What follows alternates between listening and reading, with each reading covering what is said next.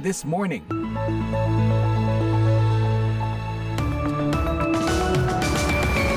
Halo, selamat berakhir pekan pendengar. Happy weekend.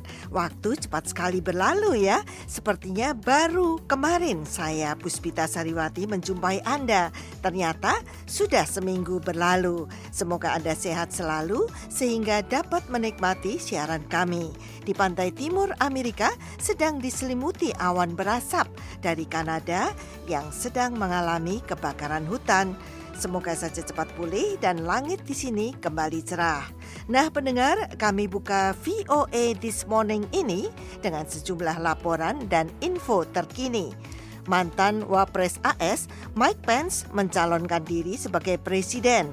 Apakah ia bisa mengalahkan Trump sebagai wakil Partai Republik? I believe that anyone who puts themselves over the Constitution should never be President of the United States. Dari dalam negeri, sidang kasus pencemaran nama baik dengan terdakwa pendiri Lokataru dan koordinator Kontras digelar lagi.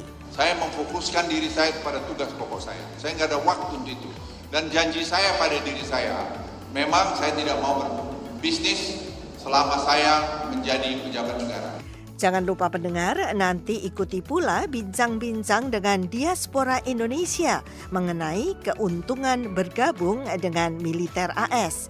Siaran ini juga dapat Anda ikuti secara live streaming di www.voaindonesia.com atau simak dalam podcast VOA This Morning episode hari ini di podcast langganan Anda. Kini kami sampaikan warta berita dunia bersama Leonard Triono. Good Friday morning. Selamat pagi pendengar Indonesia dan Malaysia menandatangani sejumlah fakta pada hari Kamis yang mengakhiri beberapa sengketa perbatasan laut yang sudah berlangsung lama dan setuju untuk meningkatkan kerjasama guna memerangi tindakan diskriminatif yang sangat merugikan terhadap minyak sawit Indonesia dan Malaysia.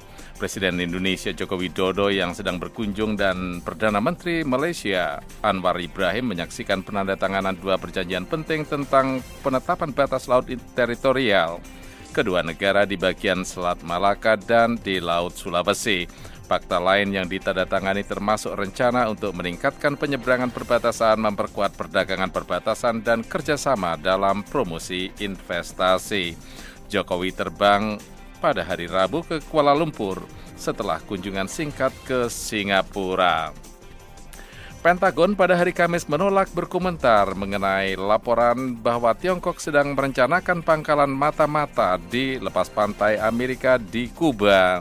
Harian Wall Street Journal melaporkan bahwa Beijing dan Havana telah menandatangani perjanjian rahasia untuk fasilitas penyadapan elektronik Tiongkok di pulau kawasan Karibia itu. Wilayah tersebut mencakup markas Komando Pusat dan Selatan Amerika. Keduanya terletak di negara bagian Florida. Tiongkok akan membayar Kuba beberapa miliar dolar untuk dapat membangun fasilitas tersebut, kata Wall Street Journal.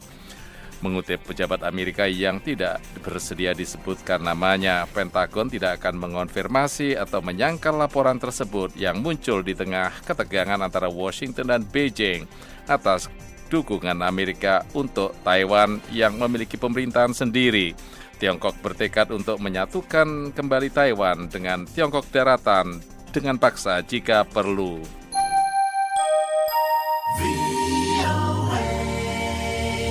It's, uh, it's my honor to uh, welcome Prime Minister Sunak uh, to the White House. Rishi, we've, uh. Presiden Amerika Joe Biden dan Perdana Menteri Inggris Rishi Sunak mengadakan pembicaraan luas di Gedung Putih pada hari Kamis dengan tekad bahwa mereka akan bekerja sama sementara dunia berusaha untuk beradaptasi dengan periode perubahan ekonomi, politik, dan teknologi yang cepat. Dalam konferensi pers bersama, Biden membahas masalah asap yang berasal dari kebakaran hutan di Kanada yang menyebar ke seluruh wilayah Amerika Serikat bagian timur. Sangat penting bagi masyarakat yang terkena dampak untuk mendengarkan arahan dari para pejabat negara bagian dan lokal, kata Biden. Sunak mengatakan dia telah berbicara dengan Presiden Prancis Emmanuel Macron dan menawarkan bantuan setelah serangan penikaman terhadap anak-anak di Pegunungan Alpen, Prancis. Seorang pengungsi Suriah bersenjatakan pisau menikam empat anak prasekolah dan melukai dua orang dewasa di tepi danau di pegunungan Alpen, Prancis pada hari Kamis dalam serangan yang motifnya masih belum jelas.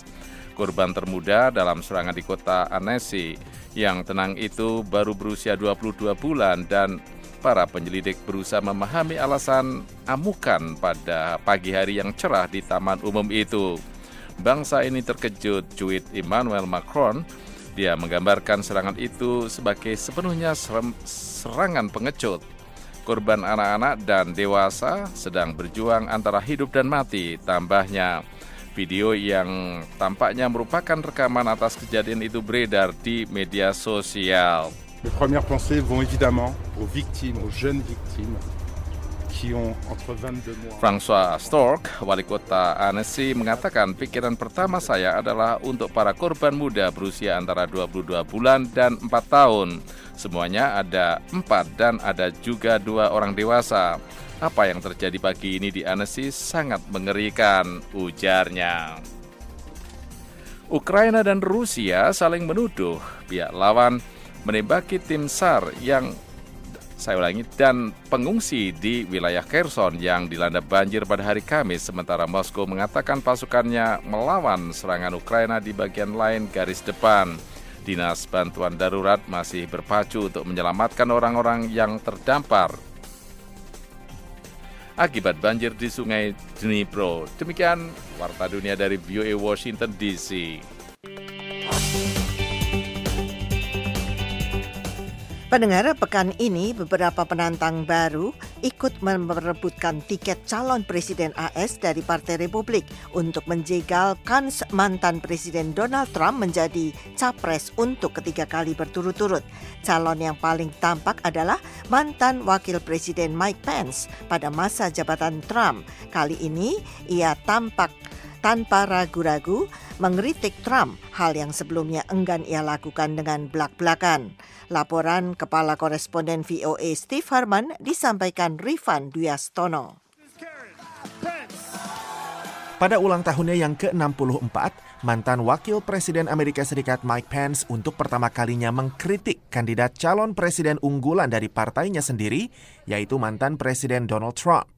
Trump adalah bos Pence selama empat tahun, dari 2017 hingga 2021. I believe that anyone who puts themselves over the Constitution should never be president of the United States. Saya percaya siapa pun yang menempatkan diri mereka di atas konstitusi tidak boleh menjadi presiden Amerika Serikat dan siapa pun yang meminta seseorang untuk menempatkan dirinya di atas konstitusi tidak boleh menjadi presiden Amerika Serikat lagi.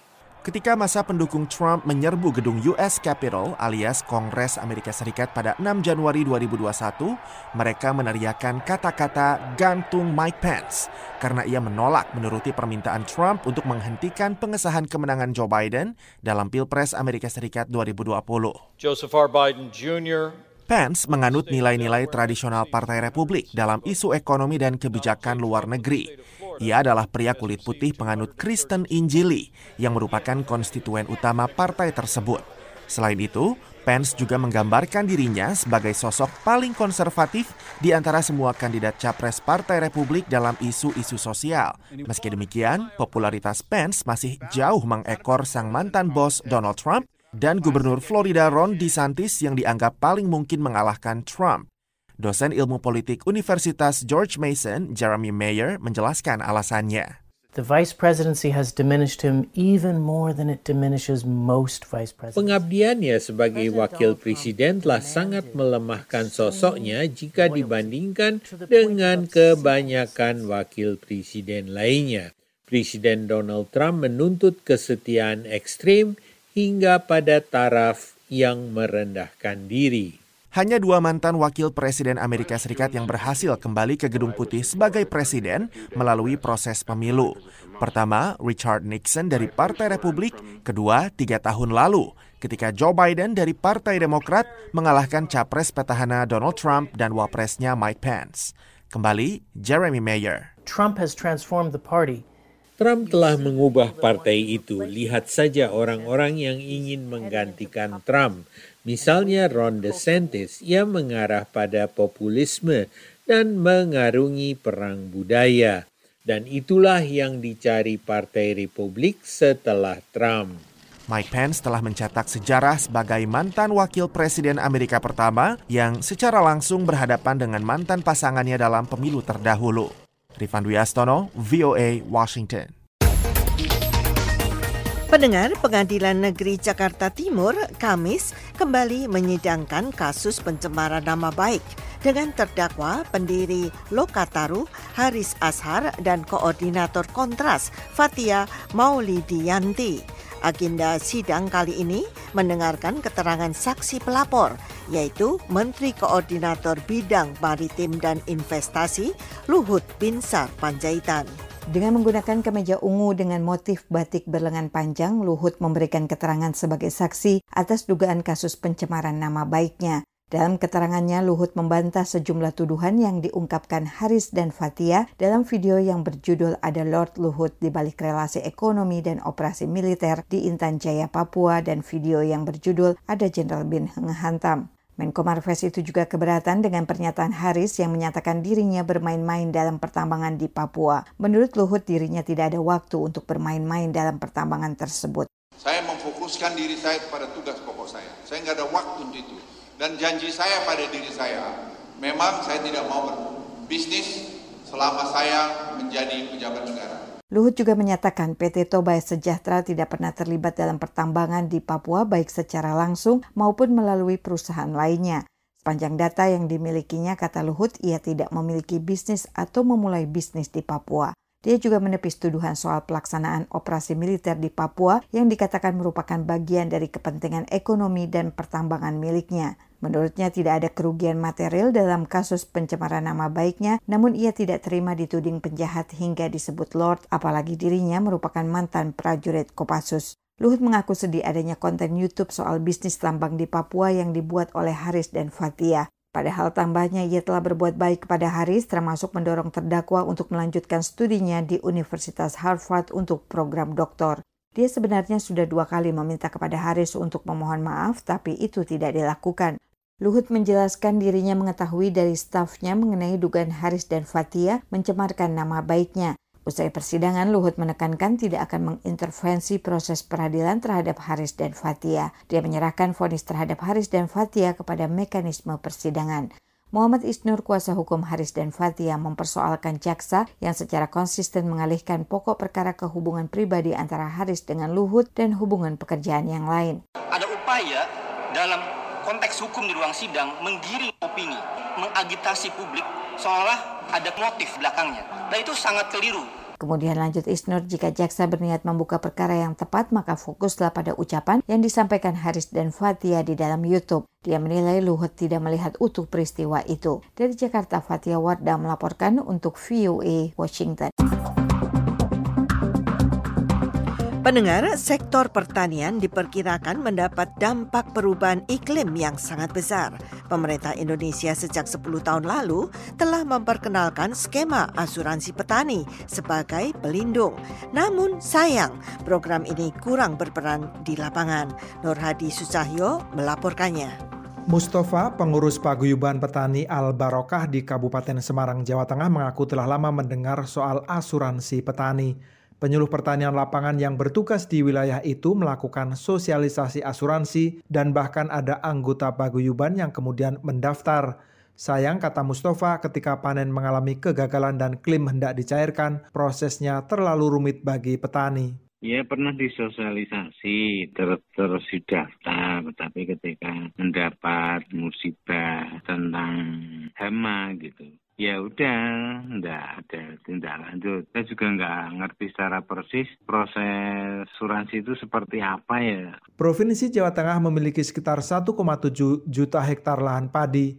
Dari jumlah itu, Kementerian Pertanian hanya menganggarkan biaya asuransi untuk 100 ribu hektar, di mana 15 ribu hektar di dalamnya masuk dalam program provinsi pemerintah memang telah mengantisipasi dampak perubahan iklim pada sektor pertanian antara lain dengan menyediakan program asuransi bagi petani.